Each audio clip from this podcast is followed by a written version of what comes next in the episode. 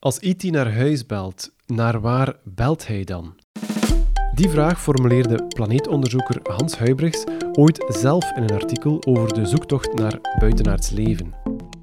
In deze aflevering kaats ik de vraag naar hem terug. Wanneer ontdekken we het eerste buitenaards leven? Waar zullen we dat doen? Of komen de aliens binnenkort zelf bij ons over de vloer? Je hoort het in deze podcast. Dag Hans. Dag Kim. Zoals ik zei in de intro, je formuleerde ooit zelf de vraag: als IT naar huis belt, naar waar belt hij dan? Wat denk jij? Ja, dat is een van de grote vragen van de wetenschap. En we hebben daar nog niet echt een, een duidelijk antwoord op. Want we hebben nog nergens in het heelal leven gevonden buiten het leven dat we hier kennen op aarde. Ehm, er is dus geen duidelijk antwoord op, maar we kunnen wel al beginnen nadenken over ja, welke plaatsen zou je misschien naartoe kunnen bellen. En dan beginnen we met nadenken over ja, wat is er eigenlijk nodig om leven te kunnen hebben. En ook daar hebben we geen duidelijk antwoord op, maar we kunnen toch, als we kijken naar het leven op aarde als enige voorbeeld, dan kunnen we toch een aantal dingen gaan bedenken. Al het leven op aarde heeft water nodig. Er zijn een aantal chemische bouwstenen, zwavel, fosfor, zuurstof, koolstof, uh, stikstof en fosfor. Um, die elementen lijken uh, aanwezig te zijn in alle levensvormen op aarde. Dus dat, dat zijn dingen die nodig lijken te zijn voor leven. En ook een bron van energie en voldoende tijd om leven een kans te geven om zich te ontwikkelen.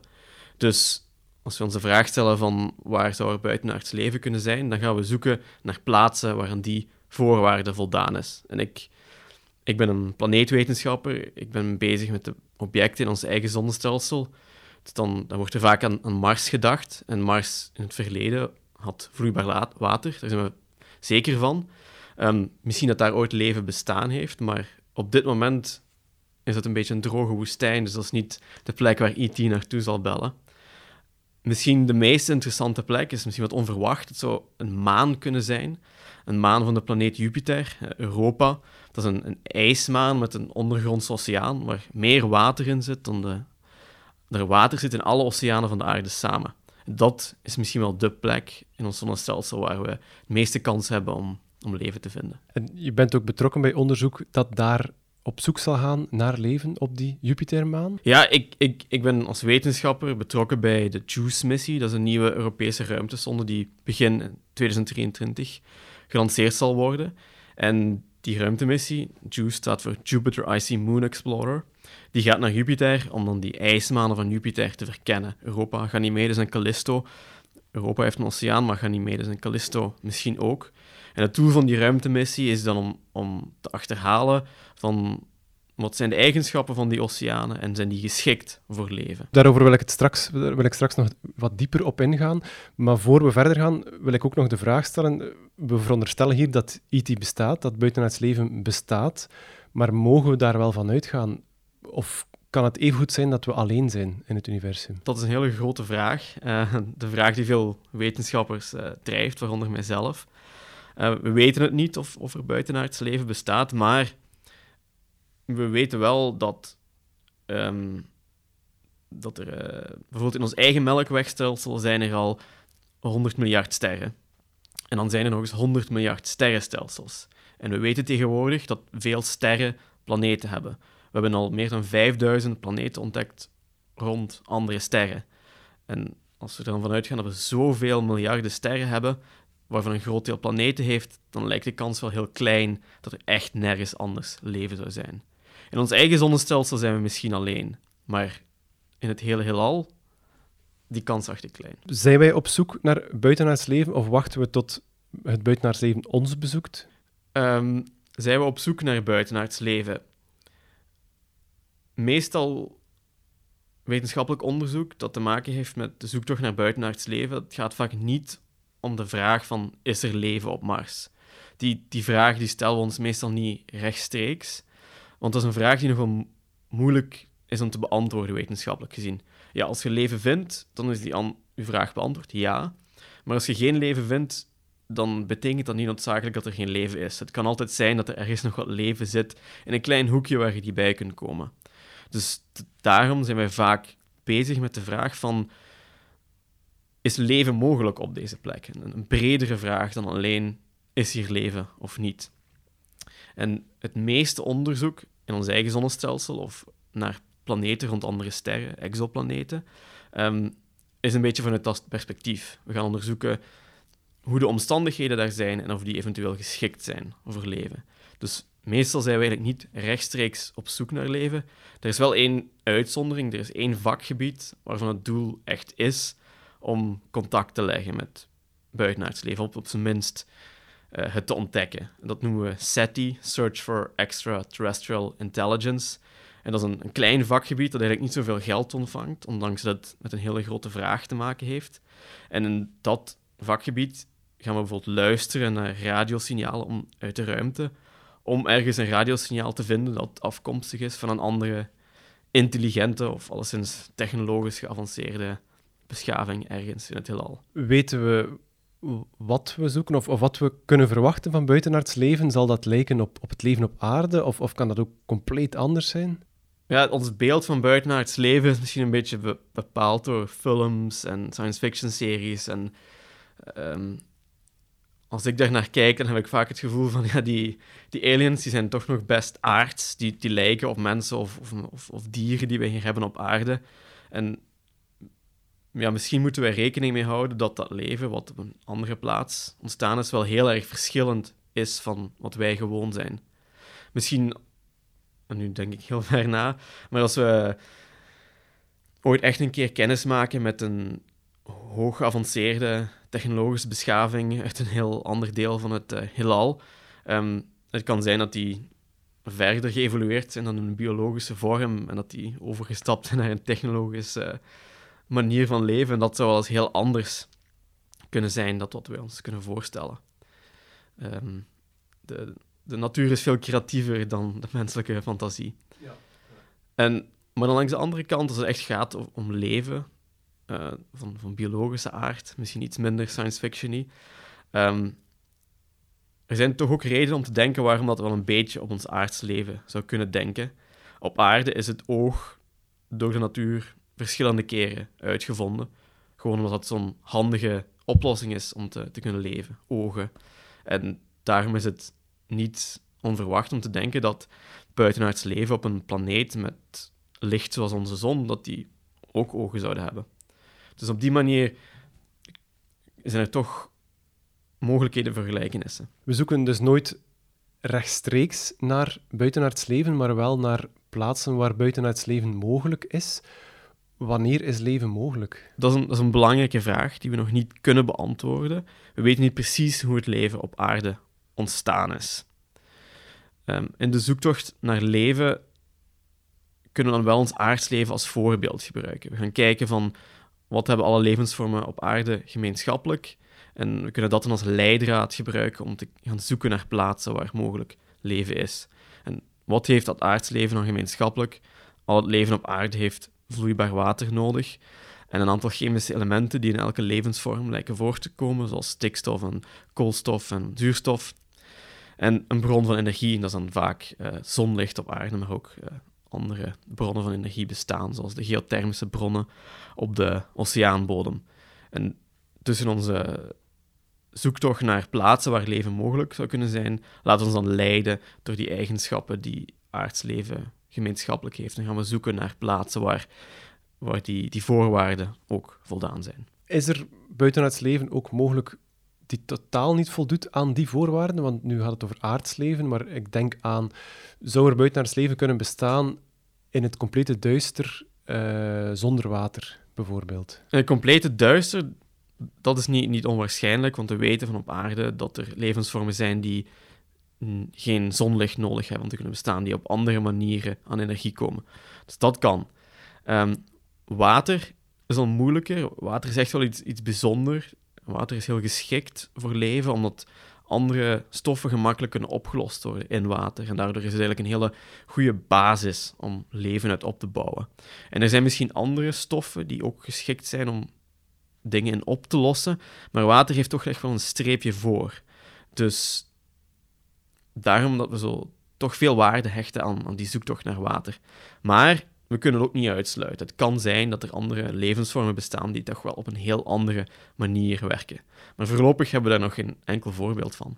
Als je planeten of, uh, of uh, manen onderzoekt uh, om te achterhalen of er leven is, of misschien ook leven geweest is, hoe zie je dat? Bijvoorbeeld dat er ooit leven geweest is, kan je dat zien van op afstand? Dat er geweest is in het verleden, tenzij je dichtbij kunt komen, lijkt me redelijk moeilijk. of er leven is nu, is misschien makkelijker. Stel je echt te maken hebt met een planeet waar een technologisch geavanceerde maatschappij bestaat, bijvoorbeeld een tweede aarde met een soort van mensachtige maatschappij, dan zou je van op afstand kunnen zien. Je zou naar de atmosfeer van die planeet kunnen kijken en zien, ja, daar is een opmerkelijk hoge hoeveelheid zuurstof. Zoals hier op aarde. De zuurstof hier, die wordt geproduceerd door, door het leven op aarde. En een abnormale hoeveelheid zuurstof kan erop wijzen dat er leven bestaat. En mensen die maken dan ook nog eens vervuiling en een onnatuurlijk broeikaseffect. En dat zijn ook dingen die je op een andere planeet zou kunnen detecteren en daardoor en daaruit dan afleiden van ja, daar is misschien leven mogelijk. Daar is misschien leven gaande. Het leven op aarde, is dat ook op aarde ontstaan of, of komt dat uit de ruimte? Dat weten we niet. Vaak wordt ervan uitgegaan dat het leven op aarde bestaan is, maar uh, dat leven op aarde ontstaan is. Maar er zijn ook theorieën dat het leven van elders zou kunnen komen. Um, bijvoorbeeld in de tijd van het Apollo-programma uh, zijn Apollo-astronauten naar een oudere maanrobot gewandeld die al enkele jaren geleden geland was. En ze hebben die stukken van die lander terug meegenomen naar de aarde. En achteraf bleek dat er dus nog bacteriën op zaten die per ongeluk op de lander terechtgekomen zijn voor de lancering. En die bacteriën hadden die jaren in de ruimte op de maan overleefd. Dus leven kan uh, de extreme omstandigheden in de ruimte overleven. En op die manier zou het dus wel mogelijk kunnen zijn, bijvoorbeeld een meteoor van een ander object, dat daar een paar bacteriën op zitten, en dat die dan getransporteerd worden door de ruimte en terechtkomen op een nieuwe planeet. Dus het is niet uitgesloten dat leven elders ontstaan is en dan een andere planeet besmet heeft. Ja. Op dit moment weten we niet of dat het geval is. Stel dat we ooit ergens anders leven vinden, dan zouden we dat kunnen gaan vergelijken met ons eigen leven en achterhalen of die een gemeenschappelijke oorsprong hebben of niet, of dat het leven echt twee keer onafhankelijk ontstaan is. U zei al in het begin, het zal waarschijnlijk niet op Mars zijn waar we E.T. zullen vinden. Kunnen we dat stilaan besluiten dat daar geen leven is? De vraag is, is leven, bestaat leven ergens, is, is moeilijk om te beantwoorden. Als we het zien, ja, dan, dan weten we wel dat er is. Als we het niet zien, betekent dat niet noodzakelijk dat het er ook niet is. Want het kan altijd zijn dat leven zich ergens in een klein hoekje verschuilt. Um, om dezelfde reden kunnen we niet helemaal zeker zijn dat er geen leven is op Mars. Bijvoorbeeld, er zijn aanwijzingen dat er onder de ijskappen van Mars um, kleine meertjes zijn. En wie weet overleeft leven daar nog altijd uit het verre geologische verleden van Mars, mocht het daar ooit bestaan hebben. Dus het is duidelijk dat er uh, geen dieren rondlopen op het oppervlak van Mars. Maar we kunnen ook niet helemaal uitsluiten dat er ergens in een hoekje toch nog leven bestaat. Als het over buitenaards leven gaat uh, in de media, dan uh, komt het vaak ook, gaat het vaak ook over exoplaneten. Ik zal straks ook vragen of dat terecht is, ja of nee. Maar eerst eens, wat zijn exoplaneten? Exoplaneten, dat is het woord dat we gebruiken om planeten aan te duiden die niet rond de zon draaien, maar rond een andere ster. En uh, de laatste 20, 25 jaar zijn er al meer dan 5000 van die planeten ontdekt uh, rond andere sterren en het worden er steeds meer. Als die planeten, als er ontdekt worden, dan verandert het nieuws vaak in hier is eventueel leven mogelijk. Uh, is dat nieuws terecht? Want dat zijn telkens hoera-berichten van oké, we hebben weer zoveel planeten gevonden waar eventueel leven mogelijk is. Daar zou ik toch wat nuance willen aanbrengen bij die uitspraken dat, daar, uh, dat het mogelijk leefbare planeten zijn vaak of bijna altijd wat eigenlijk mee bedoeld wordt, is dat die planeet ontdekt is in de leefbare zone. En dat is een, een gebied rond een ster waar de temperatuur geschikt is om vloeibaar water te hebben op het oppervlak van de planeet. Als ze dichter zitten bij de ster is het te heet voor vloeibaar water en te ver te koud. En er wordt al snel gezegd als een exoplaneet ontdekt wordt in die bewoonbare zone, of de Goldilocks-zone, zoals dat ook wel genoemd wordt, dan wordt er al vaak gezegd van ja, dit is een mogelijk bewoonbare planeet. Maar meestal weten we dan helemaal niks over die planeet. We weten niet wat voor een atmosfeer die heeft, of dat er vloeibaar water op het oppervlak van de planeet is. Daarom zou ik zeggen dat we een beetje voorzichtig moeten zijn met die uitspraken over mogelijk bewoonbare exoplaneten. We kunnen beter wachten met zeggen dat die mogelijk um, leven heeft of mogelijk geschikt is voor leven, tot we echt weten dat er bijvoorbeeld vloeibaar water is op de oppervlakte van, van die planeet. Want door al die hoera-berichten die we nu hebben, um, lopen we misschien ook een beetje het risico dat op het moment dat we echt die mogelijk bewoonbare of, of beleefbare exoplaneet gevonden hebben, dat we dan een beetje uh, daar is er weer eentje dat we niet naar waarde meer gaan schatten. Nu ontdekken we wel die exoplaneten, maar we kunnen niet zien dat er wel of geen leven aanwezig is. Waarom is het zo moeilijk om dat te zien? Het, het, is moeilijk om te zien, gewoon omdat het zo ver weg is van ons. We kunnen niet zomaar een foto nemen van een exoplaneet en zeggen van ja, daar, is een, uh, daar loopt een groep giraffen rond of zo. Dat, dat kunnen we niet, het is gewoon veel te ver weg. Um, dus we moeten het op een onrechtstreekse manier doen. Door de atmosfeer te gaan onderzoeken, bijvoorbeeld van een exoplaneet. En kijken van, ja, zitten er gassen in die atmosfeer um, waarvan we niet op een natuurlijke manier kunnen verklaren dat die er zijn. Waar bijvoorbeeld leven vereist is om te verklaren waarom die atmosfeer dit of dat gas heeft. Um, op die manier gaan we dus zoeken indirect naar tekens van leven. Zijn er ook, om die planeten beter te kunnen zien, vermoedelijk wel nog betere technologieën nodig?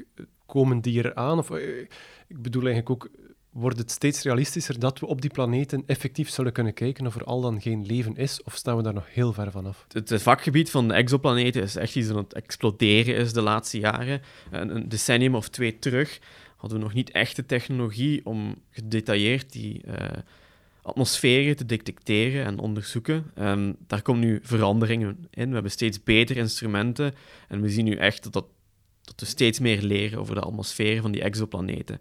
En dat is dat zich verder blijft ontwikkelen. Bijvoorbeeld ESA gaat de uh, Ariel-ruimtemissie onderzoeken, uh, lanceren. Het doel van die ruimtemissie is echt om te kijken naar exoplaneten die we al ontdekt hebben en dan in detail hun atmosfeer te gaan analyseren. Dus het onderzoek naar die exoplaneten en atmosfeer en mogelijke tekens van leven ziet dat zich heel snel aan het ontwikkelen is. En ik verwacht er nog heel veel nieuwe uh, resultaten de komende jaren uit. U vernoemde daarnet ook al de ijsmanen van Jupiter, uh, die uh, zeer veelbelovend zijn in de zoektocht naar, naar mogelijk leven.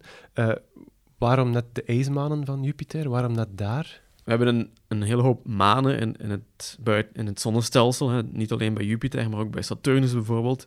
Zijn er manen waarvan we denken dat die onder hun oppervlak oceanen van vloeibaar water hebben. Um, in het geval van Europa bijvoorbeeld is dat misschien zelfs meer vloeibaar water dan de oceanen van de aarde is. En daarbij denken we ook dat die chemische elementen daar aanwezig zouden kunnen zijn, die basisbouwstenen voor het leven. Uh, die oceanen bestaan misschien al miljarden jaren. En een bron van energie is daar mogelijk ook aanwezig in de, bron van, in de vorm van geothermische bronnen op de oceaanbodems. En, en um, we weten niet zeker, maar we hebben wel aanwijzingen om te denken dat die ondergrondse oceanen op de ijsmanen van Jupiter of Saturnus, dat die geschikt zouden kunnen zijn voor leven. Om te achterhalen hoe, dat dan, hoe geschikt ze precies zijn, daarvoor er zijn heel veel ruimtemissies gepland, bijvoorbeeld de JUICE-missie bij ESA of de Europa Clipper bij NASA, die in detail die manen gaan onderzoeken om te achterhalen hoe geschikt voor leven die oceanen echt wel zijn. Het zijn ijsmanen, het is er ontzettend koud. Hoe realistisch is leven op, op zo'n extreem koude planeet? Ah ja, een maan dus. We noemen dat ijsmanen omdat die uit ijs bestaan aan de buitenkant. Die hebben oppervlakken van ijs, maar die manen of een deel ervan, wordt verwarmd aan de binnenkant. De, de getijdenkrachten van Jupiter, de zwaartekracht van Jupiter, die, die leurt die manen uit uh, en veroorzaakt een soort van knedende beweging. En die knedende beweging die zorgt voor warmte aan de binnenkant uh, van de maan. Het is die warmte die die oceanen vloeibaar kan houden, ondanks dat we zo ver weg zijn van de zon, waar het eigenlijk heel erg koud is. 100 graden of meer zelfs onder het nulpunt. Hoe zullen die missies er, precies uitzien? Zullen we daar landen? Zullen er satellieten rond die manen circuleren? Wordt er van op afstand gekeken? Het ideale zou natuurlijk zijn landen op Europa door het ijs boren en een duikboot in de oceaan loslaten. En theoretisch kan dat wel, maar de kosten die daar aan verbonden zijn, zijn astronomisch. Daar, daar wil geen ruimtevaartorganisatie zich aan wagen. Dat is uh, echt nog toekomstmuziek. Um, wat er dus op dit moment gepland is, zijn ruimtemissies die voorbij de manen vliegen, dicht bij de manen vliegen en er misschien een, een baan rondgaan, zoals de JUICE-missie die een baan rond Ganymedes zal gaan.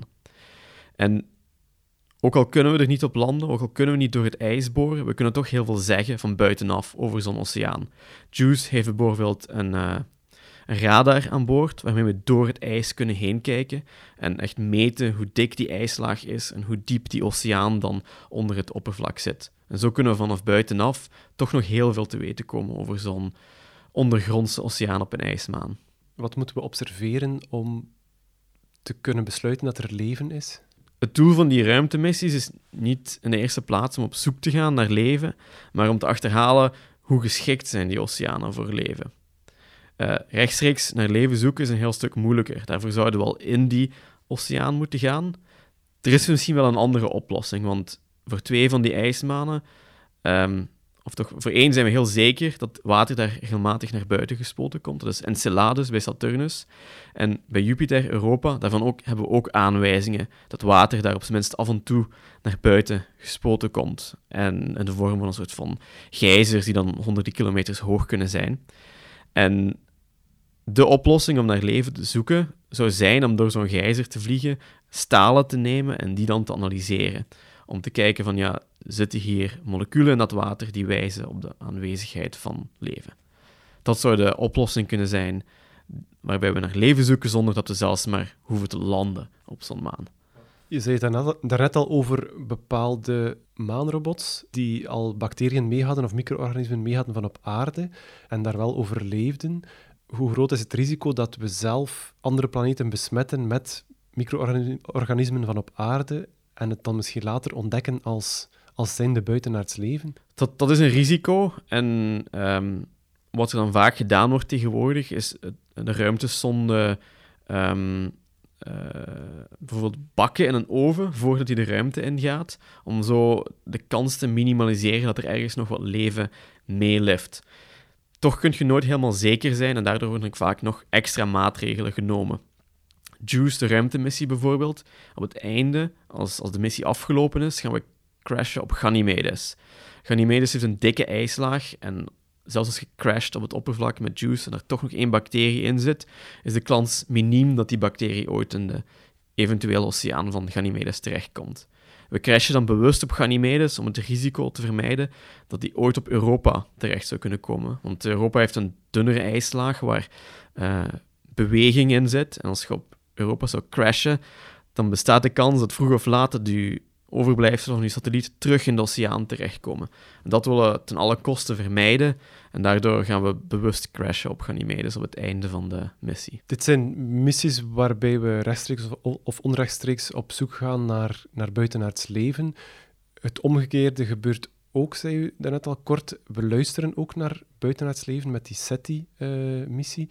Uh, hoe, naar wat luisteren we dan? Dat is een goede vraag. Luisteren, het gaat vaak om het opvangen van radiosignalen. Wij mensen gebruiken radiosignalen om te communiceren over lange afstand. En het is logisch om dan te denken dat een buitenaardse beschaving vroeg of laat ook radiosignalen gaat ontdekken en die ook gaat gebruiken om te communiceren over lange afstand.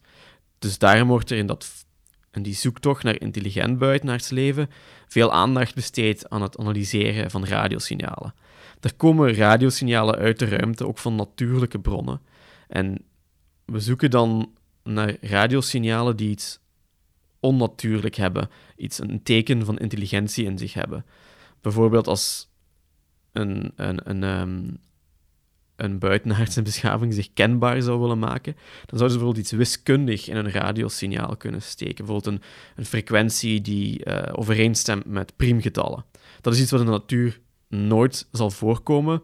En op die manier um, zou een beschaving zich kenbaar kunnen maken. Hebben we al ergens signalen in die richting opgevangen? Er is nog nooit een, een overtuigend signaal gemeten van een buitenaardse beschaving. Ehm, en die zoektocht die gaat al en, enkele decennia door. Maar het is een vakgebied dat niet zoveel um, geld ontvangt, omdat het een beetje controversieel is. En een van de pioniers in dat vakgebied, Jill Tarter, uh, zij maakt vaak een vergelijking. En zij zegt van ja, het, het, stukje ruimte waar we al naar geluisterd hebben, of dat we al doorzocht hebben naar radiosignalen, is maar een glas water in vergelijking met de hele oceaan van de aarde. Dus het feit dat we nog niks gevonden hebben, hoeft niet te betekenen dat er niemand is om contact mee op te nemen, maar kan even goed komen omdat we slechts een klein stukje van de ruimte doorzocht hebben. Intussen sturen we ook zelf boodschappen de ruimte in. De twee Voyager uh, ruimtesondes die in 1977 werden gelanceerd, uh, bevatten bijvoorbeeld aan boord een plaat met aardse geluiden, uh, een afbeelding van een man en een vrouw. Hoe zinvol zijn dat soort boodschappen? De, de, de Voyagers die hadden zo'n gouden platen aan boord en de waarde daarvan is misschien iets meer symbolisch. De, de Voyagers zijn echt hele kleine ruimte, soms in vergelijking met de lege ruimte. En de kans dat iemand die ooit zal vinden, is best wel klein, omdat het echt om een klein uh, ruimteschipje gaat. En daarboven komt ook nog eens dat die, die banen van de Voyagers, ik geloof dat die beïnvloed worden nog steeds door de zwaartekracht van de zon. Dus die komen misschien nog een keer terug in het zonnestelsel terecht op de hele lange termijn, eerder dan dat ze zullen afdrijven naar een ander sterrenstelsel. Dus de kans dat iemand ooit, of een buitenaardse beschaving, ooit die Voyager-plaat bekijkt, is misschien niet zo groot. Het heeft wel een symbolische waarde en het zet ons aan om na te denken over, ja, hoe zouden we eigenlijk wel niet kunnen communiceren met een andere intelligente beschaving. Um, wat boodschappen betreft, uh, we doen heel wat meer dan de Voyager. We zenden constant onbedoeld boodschappen in de ruimte. Alle radiosignalen die wij uitzenden al decennia lang, die verspreiden zich in een, een bubbel rond de aarde die steeds groter en groter wordt. Um, en het kan zijn dat vroeg of laat iemand onze radiosignalen gaat opvangen. Dus, uh, en zo te weten komt dat er intelligent leven op aarde bestaat. Ja, dat zijn signalen die we onbewust of, of onbedoeld, uh, toch, ja. toch onbedoeld naar buiten naar het leven de ruimte insturen. Ja, ja. Sturen we sinds die Voyager dan nog andere boodschappen bewust de ruimte in? Er zijn ook andere projecten geweest, bijvoorbeeld om, om bewust een radiosignaal in een bepaalde richting te sturen naar een andere ster, in de hoop dat misschien ooit iemand zal antwoorden. Er zijn wel zulke projecten, ja. Destijds waren dus een plaat en een afbeelding van een man en een vrouw. Um, wat weten we intussen, als we opnieuw zo'n boodschap zouden moeten uitsturen, hoe zouden we dat nu aanpakken? Hoe, hoe communiceer je met buitenaards leven? We hebben nog altijd geen voorbeeld gevonden van buitenaards leven, dus in die zin weten we het nog niet veel beter. Um, als we echt leven op een andere planeet tegenkomen dat intelligent is, en um, dan zal het niet vanzelfsprekend zijn om daar zomaar mee te kunnen communiceren. Uh, wat is de kans dat die talen hebben die wij ook kunnen gebruiken? Dus communiceren met een andere intelligente beschaving gaat initieel heel moeilijk zijn. En misschien zal het eerder starten met wetenschappelijke of, of wiskundige principes, zoals bijvoorbeeld priemgetallen naar elkaar sturen om te laten zien van hey, wij begrijpen wat van wiskunde en daar dan op verder bouwen.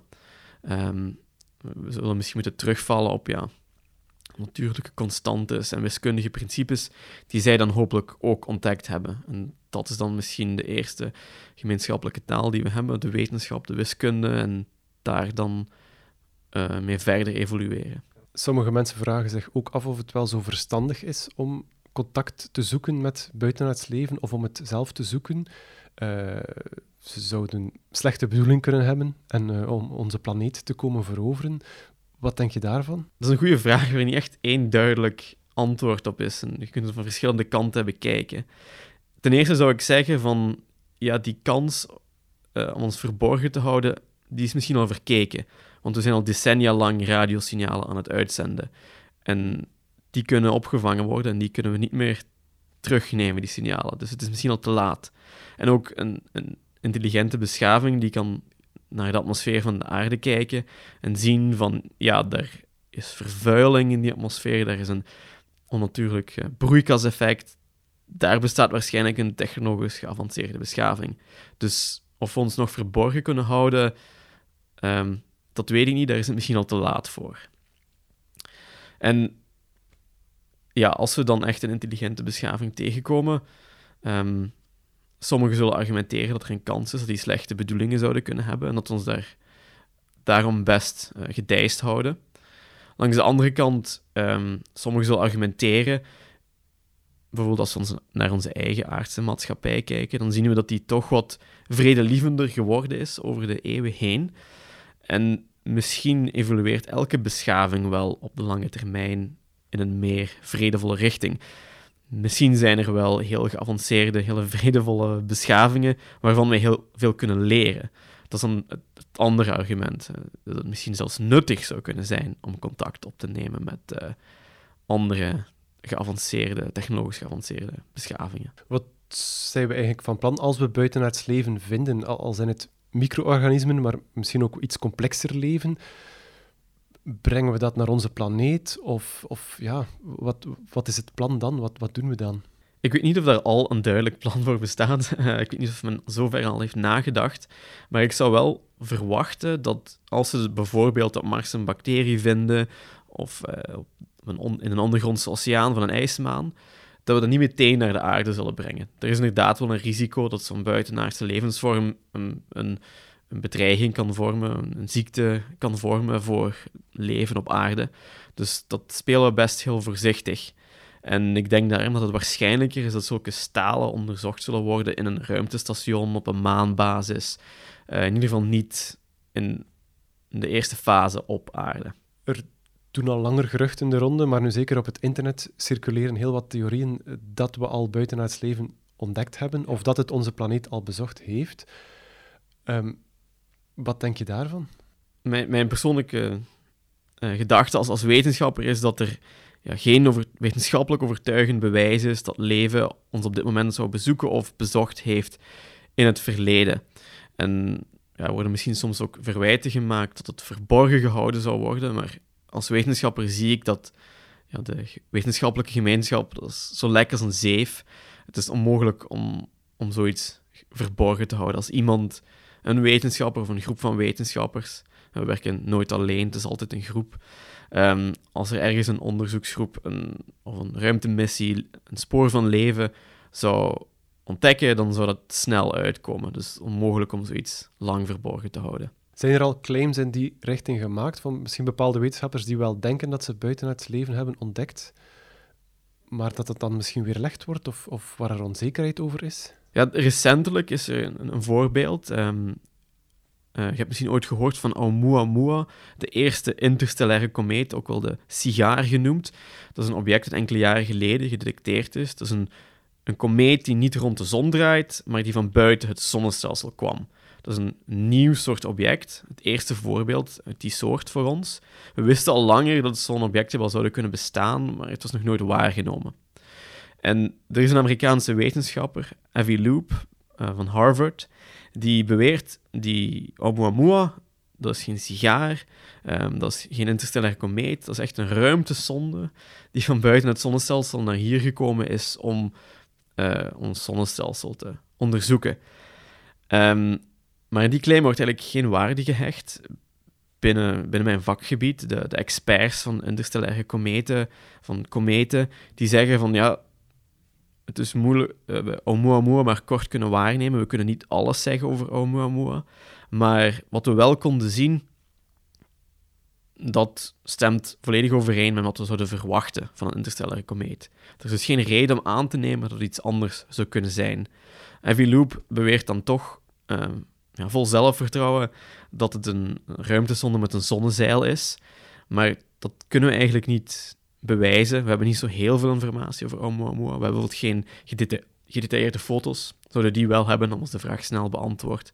En dat is een beetje een, ja, een controversieel onderwerp op dit moment. Het wordt niet echt uh, serieus genomen door de meeste planetenwetenschappers, maar Every Loop zet zijn claim uh, wel verder. En dat is een beetje jammer, want het, uh, um, het plaatst die zoektocht naar buitenaards leven weer een beetje in, een, in een slecht daglicht. Het, het is een, een van de grote vragen. Is buitenaards leven mogelijk? Maar die, dat wetenschappelijk vakgebied wordt niet altijd even serieus genomen, omdat het geassocieerd wordt met ufo's en complottheorieën, terwijl het eigenlijk wel een hele belangrijke vraag is. En Avi Loop, wat hij eigenlijk vaak doet, is argumenteren dat we meer ehm, geld zouden moeten besteden aan dat onderzoek naar eventueel buitenaards leven. En op zich kan ik daar eigenlijk wel aan meegaan, tot op zekere hoogte. Maar hij doet zichzelf dan in het vakgebied eigenlijk een beetje oneer aan door de niet-wetenschappelijke claim te maken dat hij zeker is dat het een ruimtesonde is. Dus voorlopig hebben we het nog niet gezien, hebben we ook nog geen bezoek gehad van buitenaards leven. Ik weet, het is een moeilijke vraag, maar op welke termijn verwacht je dat we het toch zullen ontdekken?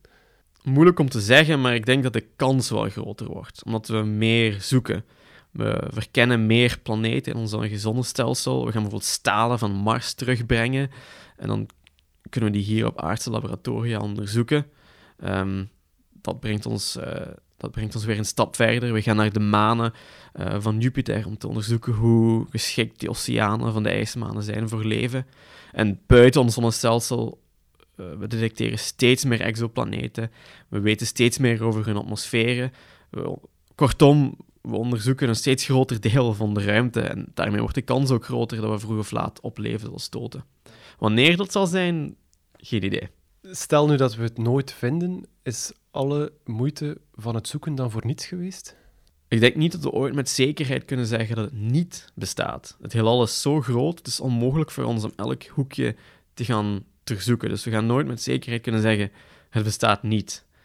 Um, mochten we na duizend jaar zoeken nog steeds geen buur gevonden hebben en het gevoel hebben we zijn alleen, tenminste in deze hoek van het heelal, dan nog denk ik dat het niet helemaal nutteloos is, want dan, zouden we ons aantonen hoe uniek en bijzonder het leven op aarde wel niet is en dat we daar toch uh, goed zorg voor moeten dragen. Je doet zelf onderzoek dat zou kunnen leiden tot uh, de ontdekking van buitenaards leven.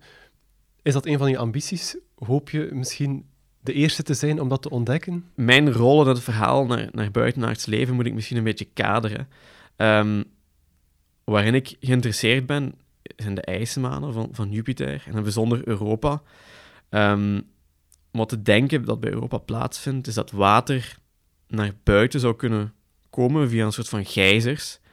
En wat ik mij dan afvraag in mijn onderzoek is van, ja, waar zitten die gijzers? Wanneer zouden die kunnen uitbarsten? Kunnen we met Juice door zo'n gijzer vliegen? En als ze dat dan doen, um, wat zouden we dan kunnen detecteren? Die vragen, daar ben ik mee bezig in de voorbereiding van de Juice-missie.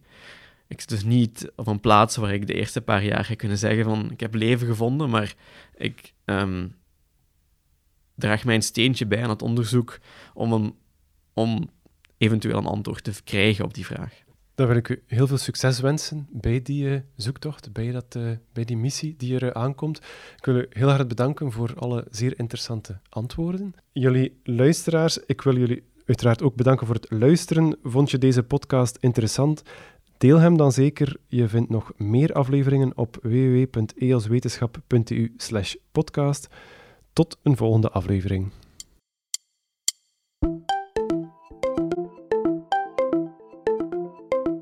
EOS Wetenschap is een non-profit organisatie die er met onafhankelijke wetenschapsjournalistiek voor zorgt dat een breed publiek kan kennismaken met 100% betrouwbaar toponderzoek.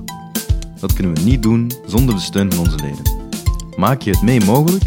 Surf naar www.eoswetenschap.eu wordlid en verspreid met ons de wetenschap.